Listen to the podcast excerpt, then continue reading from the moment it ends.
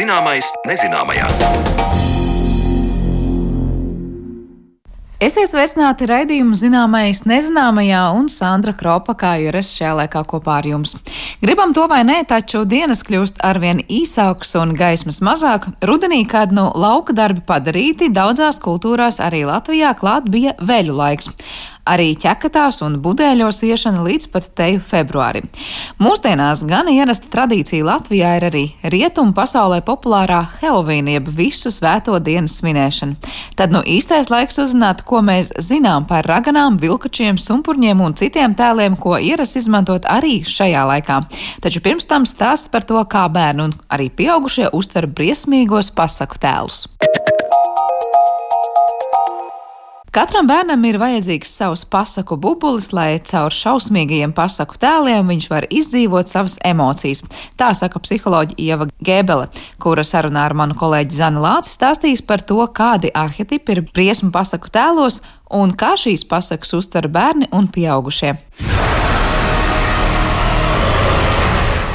Bērnībā klausoties pasakas par sarkanu galvīti un vilku, par vilku un trīs siventiņiem, par ansīti un grietiņu, mēs neanalizējam, cik ētiski vai neētiski ir tas, ka vilks aprī vecmāmiņu un mazmeitiņu, vai siventiņi iemet vilku katlā ar vārošu ūdeni, vai ragana grib izcept un apēst ansīti.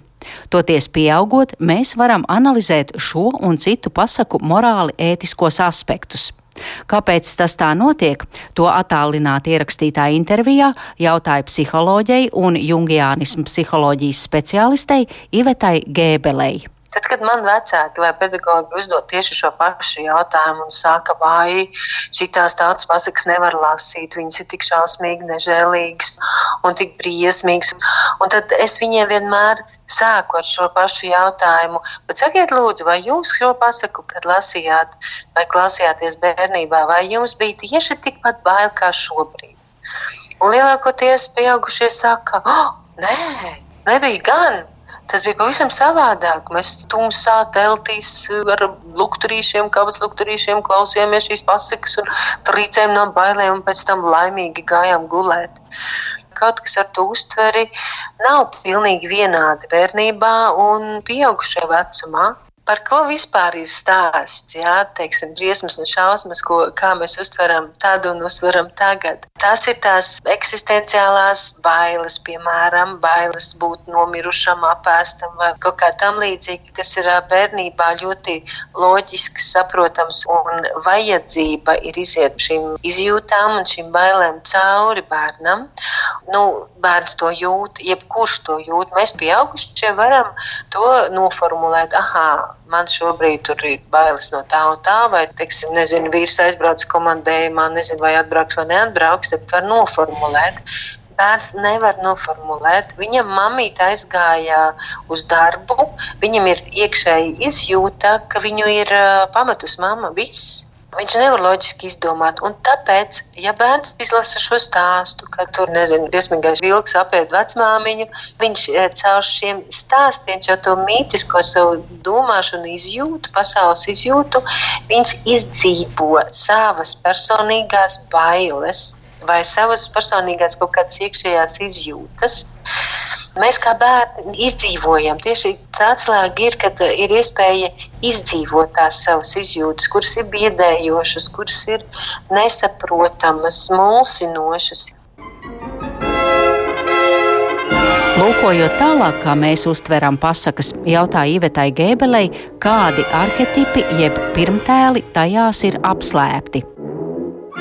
Un arhitektūriskais tas ir universālais motīvs, kas pasakā ir un ko piedzīvojam mēs katrs cilvēks, neatkarīgi no ādas krāsas, dzimuma un rases vai, vai reliģiskās piedarības, ja mēs piedzīvojam šos arhetipus. Un, un tad viens, kas ir svarīgi, ko bērns izdzīvots ar pasakām, tas ir pieaugšanas arhitekts, kad mums ir jāpieaug, ir jāpiedzīvo zaudējumi, ir jāpiedzīvo jaunas tikšanās, ir jāpiedzīvo atdalīšanās no bērnības, no mammas, no kaut kā, jā, un ir zaudējumi. Un tāpēc pasakās, ja mēs sekojam varoņa ceļam, pasakās, tad mēs varam izpētīt kādam arhetipam, kāds šeit ir pamatā, kam tā psihē ir jāseko, kādai attīstībai. Iveta Gēbela stāstot par bērna pasaules uztveri un kā bērnam nākas pieaugt šajā pasaulē, min pasaku par ansīti un grietiņu, kur ragana mazos ievilināja savā saldajā konfekšu namiņā. Un tāda uzrādās, tā, tā, tā, tā, tā, tāda fantāzija, tā, tāda ilūzija, ka būs dzīvē kaut kur atkal tas saldais namiņš, un uh, zaudējuma sajūta ir tad, kad mēs saprotam, ka nav, kad īstenībā tā ir ragana kad īstenībā man vienalga būs jātiek galā pašam.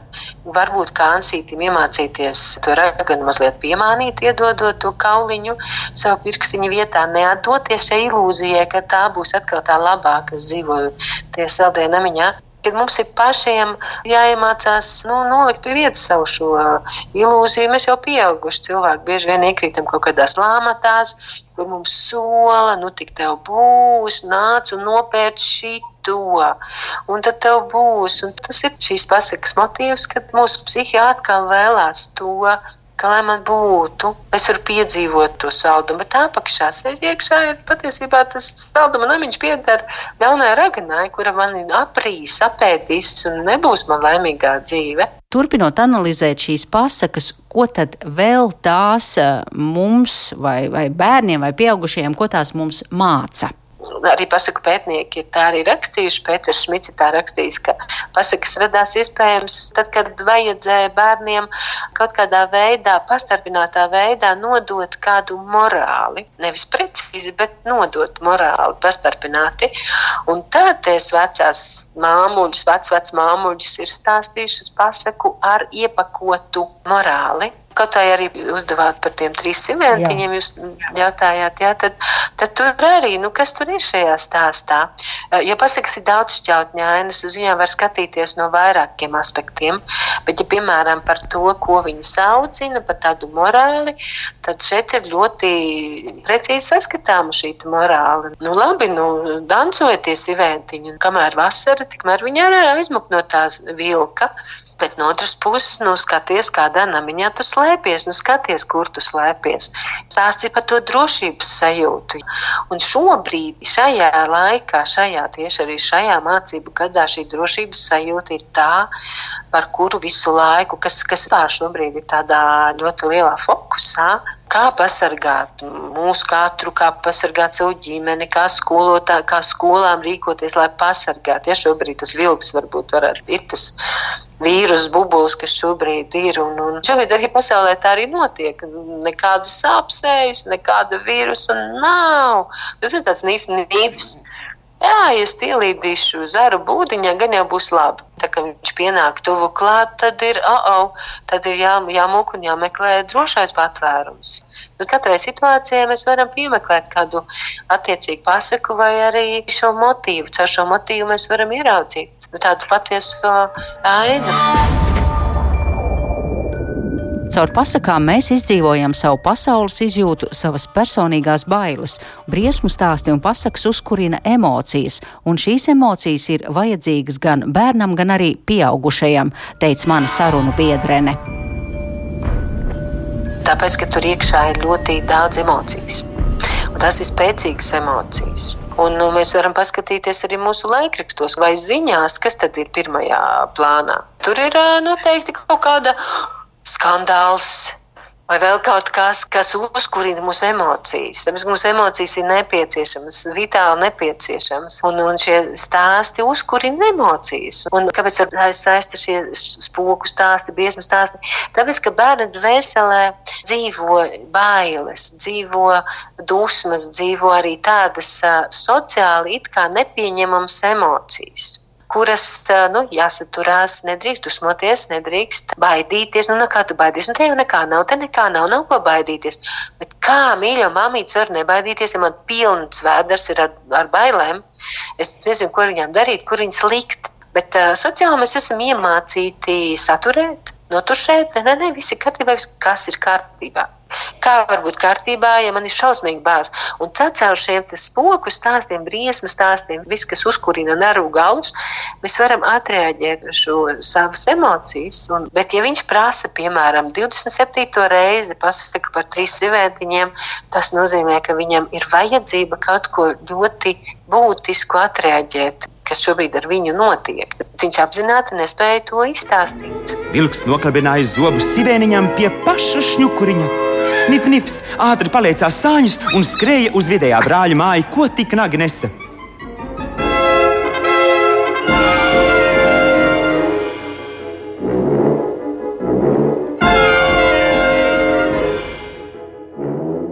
Bet sakiet, kāpēc arī pieaugušajiem mums patīk eh, šausmu filmas, šausmu stāsti, dažādi asi un šerminoši piedzīvojumi? Arī mūsos iekšā ir tas gan iekšējais bērns, kurš vēl joprojām grib, jeb arī mēs arī tiešām neprotam. Mēs esam varbūt izauguši fiziski un, un gados jau nezinu cik, bet ir tas iekšēji, tas arhitektūriskais kodols, kurš vēl varbūt tās nav īsti apzināts. Mēs īstenībā jau arī nevaram pilnīgi visu apzināt. Tas vispār cilvēkam nav dots. Turpinājumā Iveta Gēbele stāsta par briesmu un šausmu pasaku tēliem, kas nāk no citas pasaules, ne mūsējās, jo tam pamatā ir arhetipiskais tēls, kas nāk no ēnas, no pazemes un no tumsas kāpēc tā ir cita pasaule, jo bērna psihē reāli tā ir cita pasaule. Jo viņš nezina, no kurienes tā baila nāk, no kurienes tā dusma nāk, no kurienes tas naids atnāk. Un, eh, kāpēc tā ir cita pasaule? Jo uh, sociums viņam saka, ka tas ir slikti, ka tas ir ļauni, šito dzen prom. Māma saka, šī tā ģimene man nerādi. Bet kā lai mamma tas nerādīja man, es tā jūtos. Un tad noteikti ir labi, ja ir šis mošķis, Tad es uh, saviem klientiem, bērniem šajos gadījumos saku, klausies, kas tas ir, kas tagad atnāca pie tevis. Man liekas, varētu viņu uzzīmēt, uz viņu iepazīties. Jā, un tad viņš var attīstīt to. Ka... Tad kāda arhitekta ir šodien mūs, mums, pieaugušajiem, kas ir mūsu mošķi? Tas ir ēna, ko mēs arī izslēdzam no sevis. Jā, un šobrīd arī nu, tādā kultūras kontekstā, tādā plašā pasaules kontekstā, īstenībā šis Covid īstenībā arī ir tā, tāds mūsu ēnas arhitekts.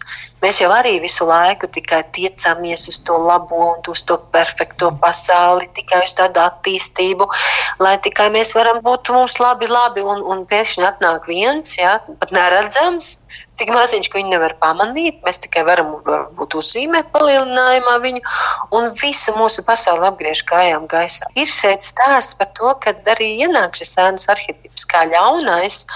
Un tad, ko mēs darām, pieaugušie, mēs tur izvirzām vairākas sazvērstības teorijas, kurš tad ir vainīgs.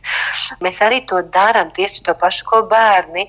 Mēs viņu šobrīd skatāmies kā uz tādu svešo, ļauno, kas ir atnācis un mūsu pasauli visu ir sašķobījis šobrīd, mūsu drošību sašķobījis. Par briesmu stāstiem un to uztveri stāstīja jungianismu psiholoģijas speciāliste Iveta Gēbele, un ar viņu tikās mana kolēģe Zane Lāce. Bet raidījuma turpinājumā mēs parunāsim par to, kāpēc pētnieki pievērsušies raganu pētīšanai.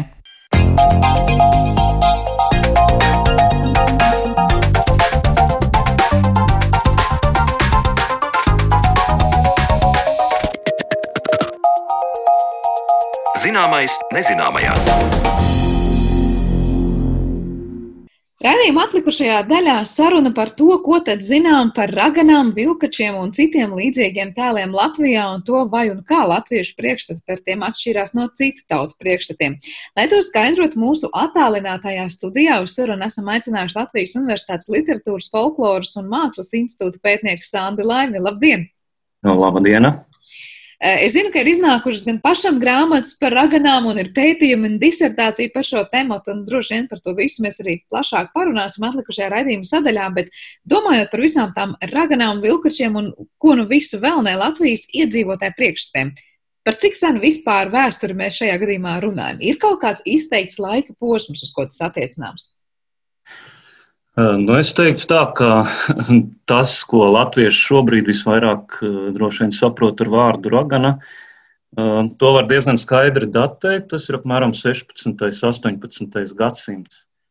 Kad nu, principā, tie priekšstati, kādi nu, ir bijuši iepriekš Latvijā, saplūda ar importu no centrālās Eiropas.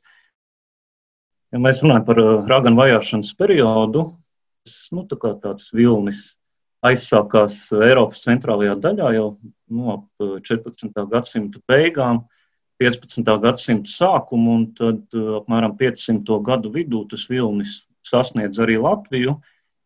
Un, eh, principā, tas, tas, ko mēs eh, uztveram kā raganu mūsdienās, eh, esmu veicis arī tādas nelielas aptaujas, ko cilvēki ar šo vārdu saprot.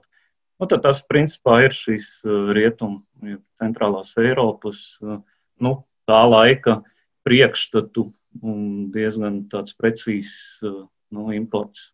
Jo, nu, kopumā Jā, nu, ja, ja mēs vēlamies to, to raganu tēlu pašķitināt tālāk, tad mums, protams, ir ļoti maz datu no laika pirms raganu vajāšanas perioda. Rakstīti avoti ir ļoti skopi, bet nu, to, ko mēs redzam pēc tam no raganu prāvu protokoliem, no folkloras 19. gadsimta beigās un 20. gadsimta sākumā pierakstītās, tad, nu, principā, jā, nu, šie, šie priekšstati ir diezgan būtiski ietekmējuši arī nu, to, ko latvieši saprot ar šo vārdu. Un tad ir vēl viena lieta, protams, ir šī popkultūras ragana. Jo nu, šobrīd varbūt televīziju mazāk skatos, bet tajā laikā, kad, kad, kad uh, bija mājās televizors, teiksim, tā, 90. gadi bija diezgan daudz dažādu seriālu par labajām raganām, par sliktajām raganām. Un, un, un, nu, šis, šis tēls nepārprotami ir ļoti populārs. Nu, tā, teiksim, tā, gan, gan, gan kino, gan nu, arī citos cita veida tā teikt, populārās kultūras žanros. Un skaidrs, ka arī tas ietekmē to, kā mēs raganas uztveram mūsdienās. Jā, no kurienes nāk tās labās un sliktās raganas? Nu, tā ir laba, jā, labā ragana vispār ir tāds, nu, teiksim tā, nu jā, mūsdienu fenomens, jo, ja mēs skatāmies tradicionāli ar šo, ar šo vārdu, nekad nav apzīmēts nekas labs vēl 20. gadsimta sākumā. Ja. Teiksim tā, nu, ja mēs šobrīd lasām presi, nu, ir, ir cīņas par to, kura tad ir īstā un vienīgā šī brīža ragana Latvijā, nu, tad būtu ļoti grūti iedomāties 20. gadsimta sākumā, ka kāda sieviete vēlētos sev, sev piedāvāt šo apzīmējumu, jo tas vienmēr ir skaitījies kaut kas, kaut kas slikts, kaut kas negatīvs. Bet nu, vienu brīdi ir notikusi, noticis lūzums šajā, šajos priekšstatos, un tā, tas ir viens no fenomeniem, jā, kas saistīts arī ar raganas tēlu. Uh, ka nu, no tradicionālajiem priekšstatiem ļoti maz kas jau ir dzīvot spējīgs mūsdienās. Tad nu, Ragans tēls viens no tiem, kas joprojām dzīves un, un par to runā, un visu laiku tiek piesaukts Ragana medības un tā tālāk. Eh, jo, jo, jo šis tēls ir spējīgs iet laikam līdzi un mainīties. Un iespējams arī viens no, no tiem brīžiem, kad uh, Ragana paliek par, par savā veidā nu, par, par pozitīvu tēlu, uh, Nē, esmu ļoti specifiski pētījis šo jautājumu, bet nu, ir aizdoms, ka tur romantismu laika, modernismu laika literatūra arī savu artavu ir devusi. Kaut vai paņemsim Aspāziju un tā tālāk. Tātad Ragana tiek interpretēta sākot apmēram nu, no 19. gadsimta beigām. Raganas tēlā tiek saskatīts šis te, nu, radošuma moments, Ragana ir sieviete, kas uh, var vairāk, uh, ka viņa atšķirās varbūt kaut kādā ziņā no citām sievietēm ar to, ka viņa ir kaut kādas īpašākas spējas.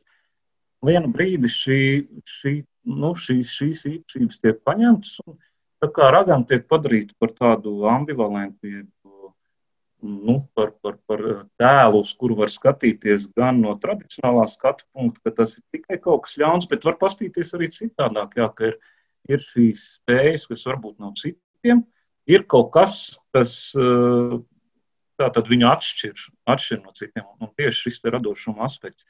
Iespējams, arī tas viens no iemesliem, kāpēc Ragana ir padarīta arī, arī to starp par pozitīvu tēlu. Un vēl jau arī šīs balto raganu kustības, kas Eiropā ir kļuvušas populāras un arī Latvijā pamazām kļūst populāras. Tā tad arī, zinām, ar tautam visam piedot. Nu, jā, un, un, un, protams, šī popkultūra, kas savā ziņā ir padarījusi raganu par nu, tādu viegli preparējamu vai, vai viegli dažādi interpretējamu tēlu. Mm. Bet eh, vai ir saistīts tam arī, kur tas nu, labais uh, raganas tēls veidojies, uh, ka mēs sakām, nu, tur savulaik varbūt pat tādus progresīvākus cilvēkus vai gudrākas sievietes lika tur uz sārta un piedēvēja šīs raganas īpašības, ka tas ir tas viens no iemesliem, kāpēc arī tā ragana nu, kaut kur zemapziņā tiek saistīta ar kaut ko varbūt nu, tādu labāku nekā viduvējais, izcilāku.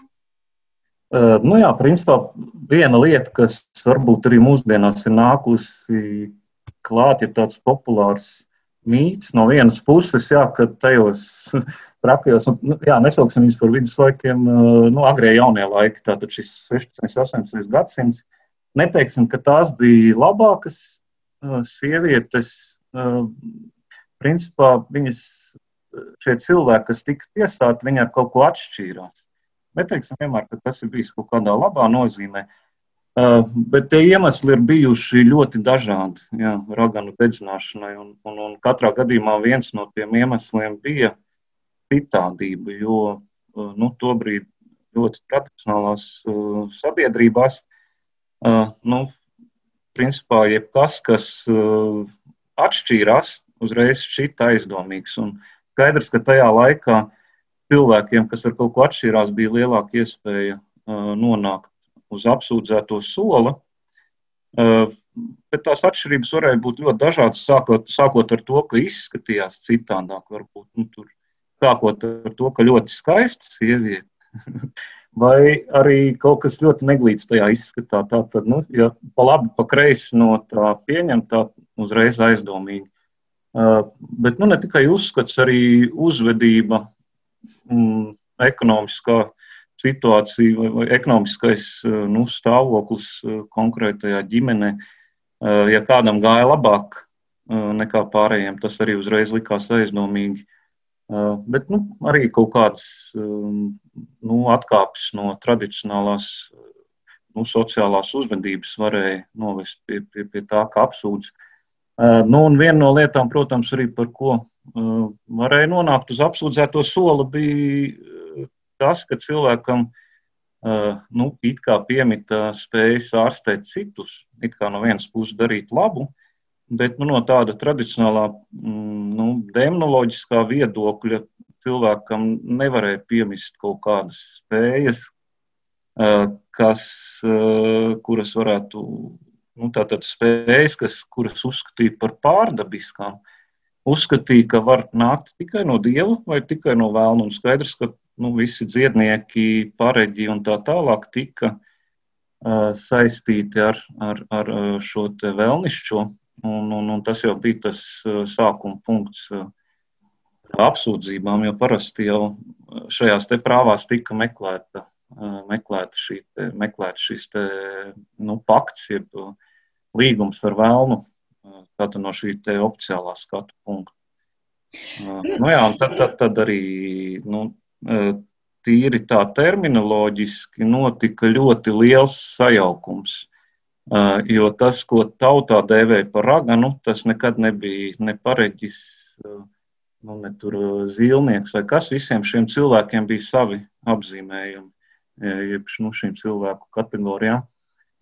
Bet tas, kas notika tajā laikā, jā, ka visa šī terminoloģija tika samest vienā tādā uh, maisā un, un, un, un visu varēja saukt gan par raganu, gan, gan nu, šajos te, tātad tautas terminoloģijas tika sajaukt krietni. Tas iespējams arī pēc tam nostrādāja to, kā tā raganas tēls transformējās, bet ja mēs runājam par to izpratni, kas bija nevis par dziedniekiem vai izteikti skaistām un, un, un šarmantām sievietēm, bet proti ragana kā šis neglītais, sliktais, ļaunais tēls. Vai ir iespējams izsakot, no kurienes tas nāk un kāda ir šī vispār nu, tēla vēsture un attieksme pret to? Tās ir bailes vai tā ir kāda nu, tā kā uzmanīšanās? Nu, principā, ja mēs runājam par tādu klasisko uh, raganu priekšstatu, ja, uh, šis fenomens ir un, un, universāls. Tātad uh, visā pasaulē vairāk vai mazāk uh, nu, šīs raganošanas apsūdzības un, un raganas uh, ir uh, nu, kaut kādā veidā salīdzināmas un uh, ļoti līdzīgas. Un arī pati šī raganu vajāšana ir, ir, ir ļoti universāla lieta. Uh, Nu, es, piemēram, esmu arī veicis lauku pētījumus Indijā, lai saprastu, kā cilvēks uh, nonāk līdz tam, ka viņš tiek apsūdzēts un beigu galā arī, diemžēl, ļoti bieži nogalināts. Un uh, parasti tas iemesls pat nav pašā cilvēkā. Tātad ragana ir nevis tas, kas es esmu vai kas es varētu būt, bet tas, ko citi par mani domā. Tā tad, eh, nu, principā, eh, raganošana, jeb ragana ir eh, sociāli konstruēta parādība, teiksim tā. Un, un tad ir dažādi mehānismi, kā cilvēks paliek par raganu, un pārsvarā tas ir saistīts ar to, ko par mani runā, ko par mani baumo. Un tagad tie, kas varētu būt upuri šim nu, apsūdzēšanas procesam, tie, var, tie ir ļoti dažādi cilvēki un nav, nav tā īsti uh, nu, tā, tāda viena recepte, kur, kurš tad īsti var palikt par aganu vai, vai, vai, vai kā. Pārsvarā tās ir sociālās attiecības, uh, kas, kas šo raganu definē un noformulē jebkurā sabiedrībā, tostarp arī Latvijā. Vai tur ir kaut kāda līdzība starp to, ko es, nu, latviešu sabiedrībā ir dēvējuši par vilkačiem, arī par šo pārvēršanos, tad, nu, par to vilku vai kā citādi? Vai tās ir kaut kāda pilnīgi citas domāšanas un mitoloģiskās kategorijas?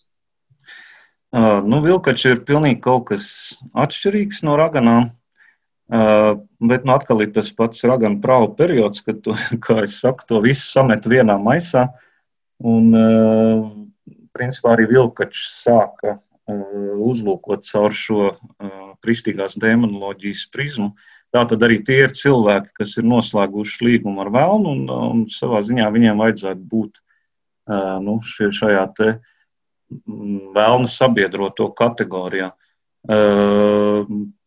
Principā vilkats jā, nu, kaut, kaut kas ļoti, ļoti fundamentāli atšķirīgs. Sākotnēji no raganas, iespējams, tur ir kaut kādi uh, varētu būt kaut kāds sakars ar senākiem totemiskiem priekšstatiem vai vispār šīs cilvēka dzīvnieka transformācijas process, uh, nu, tā jau ir uh, teiksim, diezgan uh, jau pavisam, pavisam citas tematikas saruna. Un tas, tas, jā, tas, tas, tas tā kā Bet, Man liekas, ir jau, jau drusku aiziet sāņus no raganām. Eh, vēl nāksim atpakaļ pie raganām, kā saka, bet kas bija tad, ja, ja mēs līdzībās runājam par sameta kopā to visu? Nu, piemēram, ko varēja piedēvēt cilvēkam, par ko tad tās darbības vai izskata vai, vai kā citādēji attieksmi ziņā lietas, lai, lai sauktu viņu par vilkaci vai par raganu. Par raganu labi, apmēram mēs varam iedomāties, tur nezinu, dziedniece kaut kāda vai, vai izteikti skaista vai gudra sieviete vēlākos laikos, kā bija ar tiem vilkačiem. Nu, kuru pēkšņi varēja par tādu piedēvēt, ka tas lūk, ir tas cilvēks, kas ar to vēlmu tos, to, tās derības ir noslēdzis.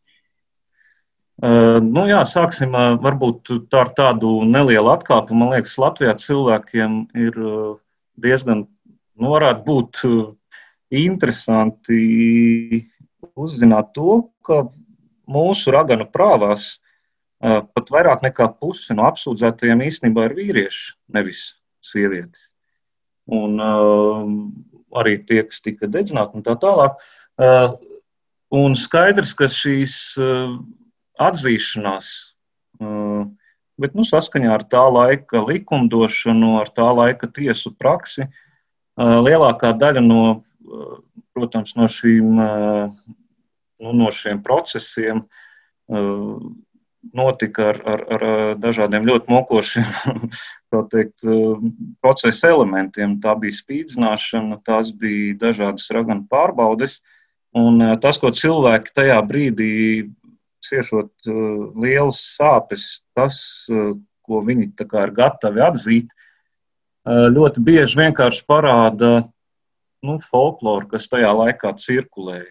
Tātad, nu, Viņi vienkārši vēloties izbeigt mokas, ir gatavi atzīties eh, ļoti dažādās lietās.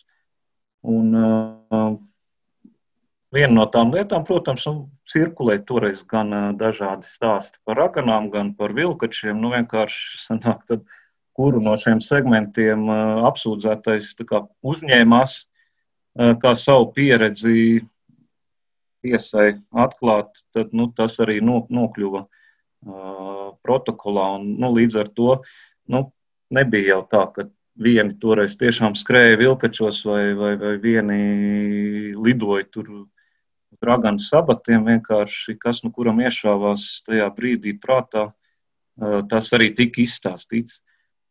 Jo nu, ir divas lietas šajās raganu prāvās, ir divas parādības puses. Viena lieta ir nu, tautas kultūra, ir nu, teiksim, tā, tas populārais diskurss, un tad ir šis oficiālais demonoloģiskais diskurss, jeb nu, tā mācītā tiesnešu pieeja. Tātad vieni grib sadzirdēt kaut ko, kaut ko vienu no, tām, no tiem apsūdzētajiem, savukārt tas, ko stāsta tie zemnieki nabaga spīdzināšanas laikā, viņi stāsta tās lietas, kas cirkulē viņu uh, nu, tā, tad, tā brīža mutvāru tradīcijā. Savukārt tas, ko tiesneši sadzird ar pavisam pis, citu pieeju, ar pavisam citu priekšstatu par to, kas ir ragana, tātad ar šo mācīto priekšstatu, ar, ar to, kas ir rokas grāmatās aprakstīts, viņi šīs, nu, tātad šīs liecības,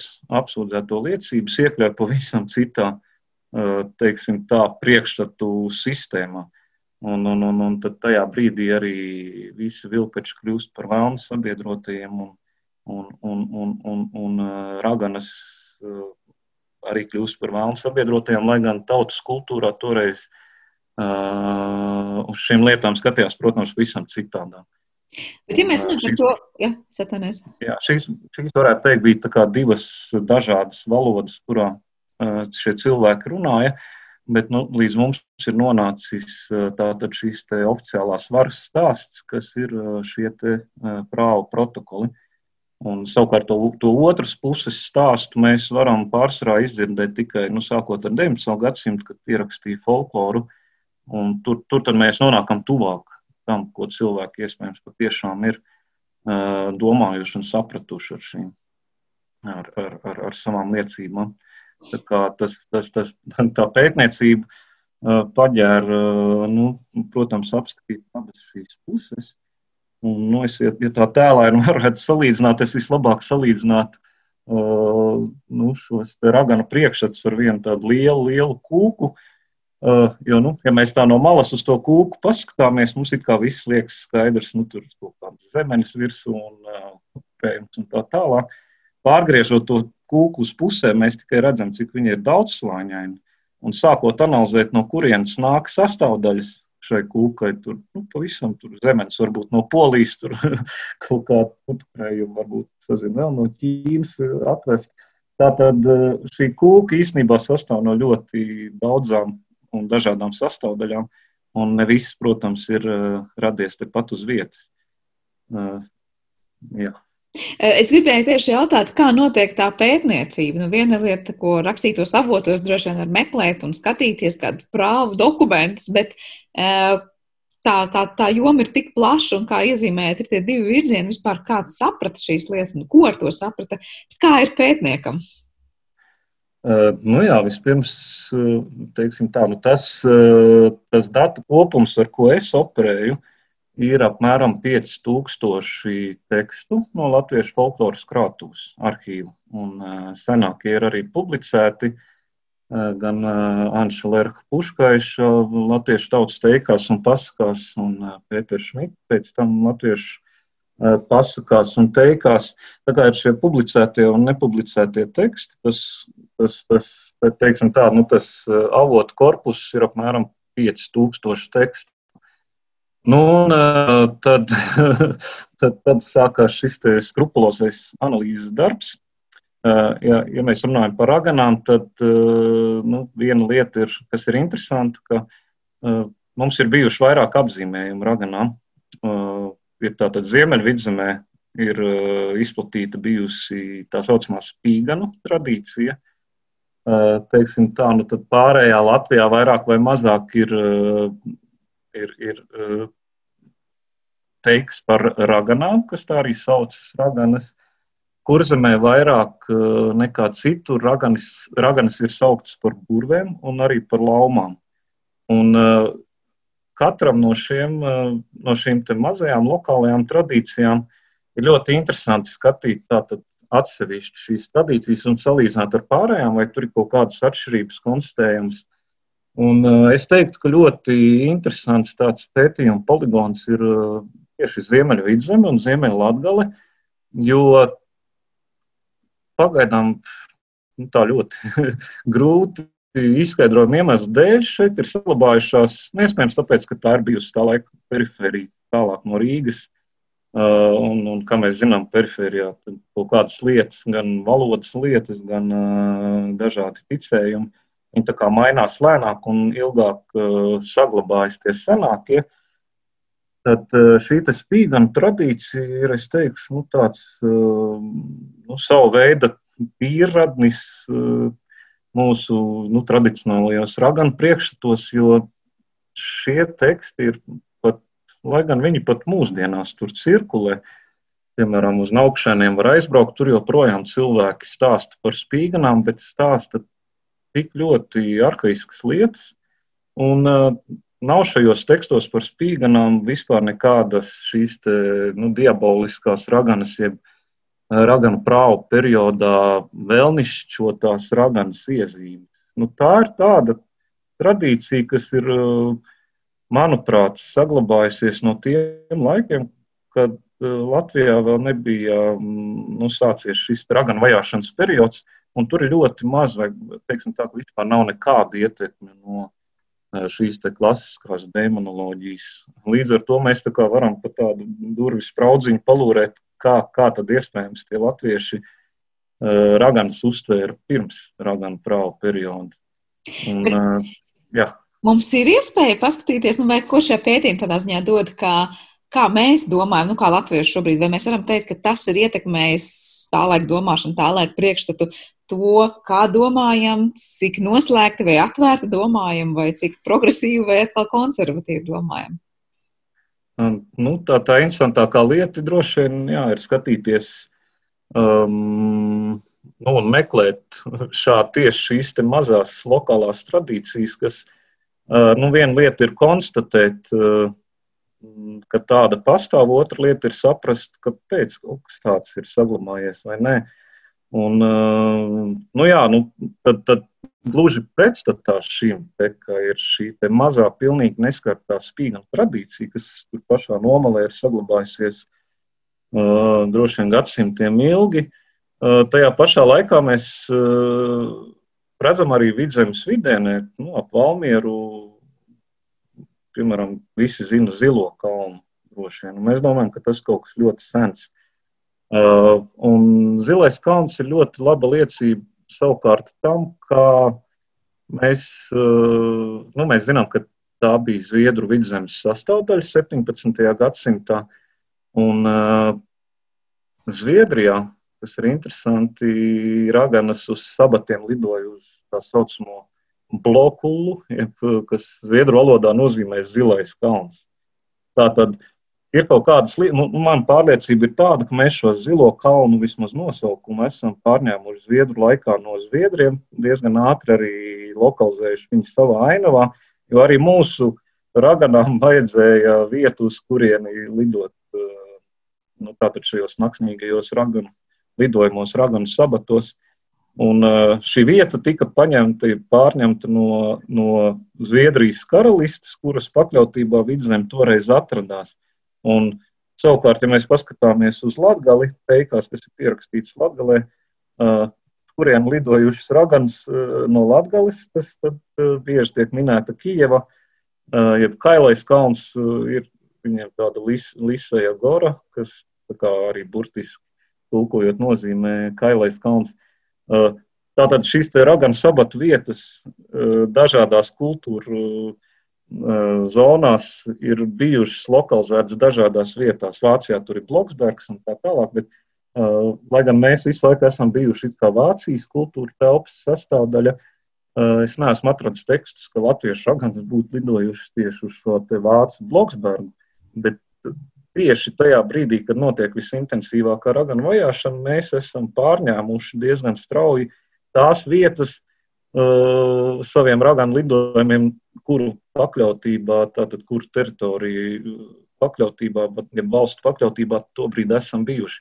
Tā kā kaut kas, kaut kas ir saglabājies, teiksim tā, ļoti konservatīvi un ilgi, bet tajā pašā laikā ir kaut kas atkal, ko mēs esam diezgan veikli adaptējuši savos priekšstatos un uh, Un, un, un tas arī ir fiksēts gan tajos prāvu protokolos, un pēc tam arī folklorā, folklorā uh, saglabājies.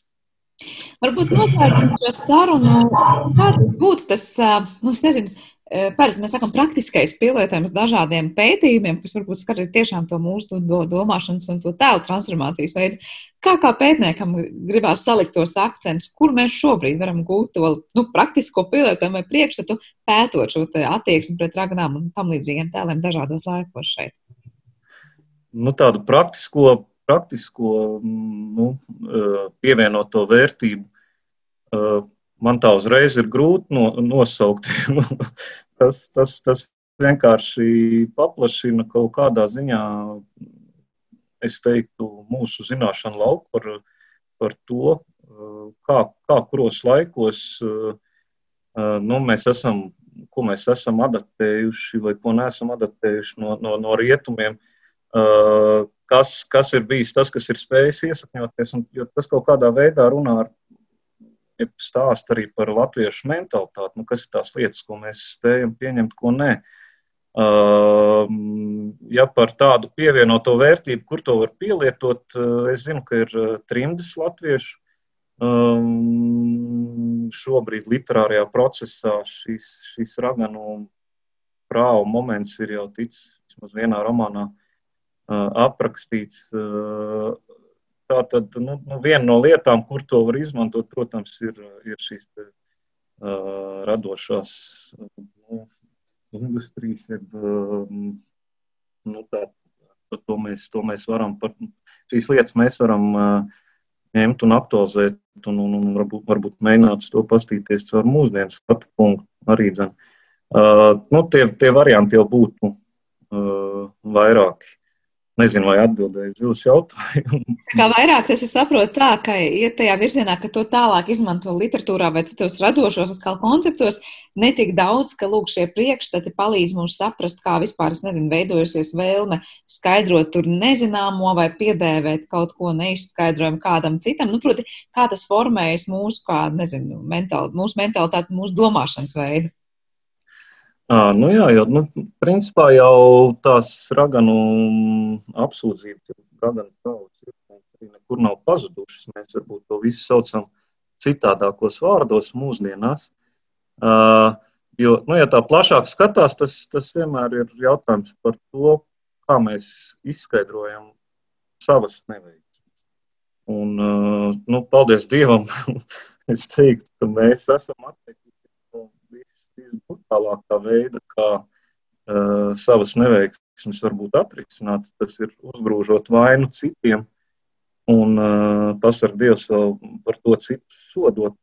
Jo nu, vienmēr tā ir bijusi milzīga sociālā netaisnība, kad nu, mēģinot atrisināt savas problēmas, mēs uh, uh, citus iznīcinām, nemeklējot to cēloni sevī. Uh, Bet nu, tādā slēptā veidā, protams, jebkurā brīdī arī šobrīd nu, mēs to saucam par skaudību, par nenovīdību, par nu, bieži vien to tā, tieši tā arī sauc par raganu medībām. Nu, kam, nu, ir tomēr nekur jau tā vēlme nu, tā neanalizēt sevi, bet uh, atrast to savu neveiksmu cēloņu, cēloni citos. Nu, viņa tā nav, nav nekur pazudusi, bet paldies Dievam, nu, vairs neizpaužas tik brutālā veidā.